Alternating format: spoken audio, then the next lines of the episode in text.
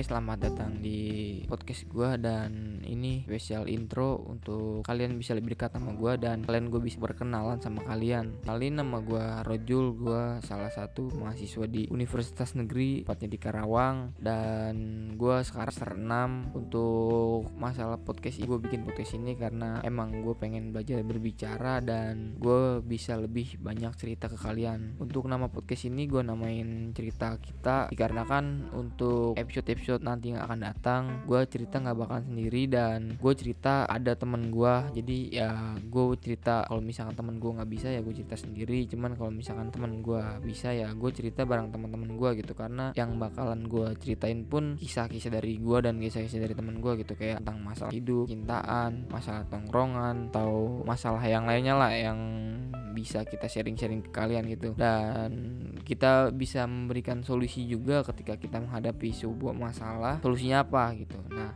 makanya gue bikin podcast ini supaya semua orang tahu bahwasanya kita pun sama gitu. Masalah yang kita masalah semua orang pun masalah yang kita alami sama dan bagaimana cara kita buat menanggapi masalah itu. Maka dari itu gue bikin podcast ini untuk bisa lebih berbagi lagi cerita kepada kalian bisa lebih akrab dengan kalian. Untuk episode ini mungkin gue tutup sampai di sini untuk perkenalan masalah podcast dan selebihnya nanti gue upload episode lagi dan gue nggak bakal menjadwalkan berapa hari gue dan gue nggak bakal menjadwalkan berapa kali gue upload karena gue membuat podcast ini pun sesuai hati gue gitu. Kalau misalkan gue lagi seneng ngerekam ya mungkin gue bakalan upload setiap hari.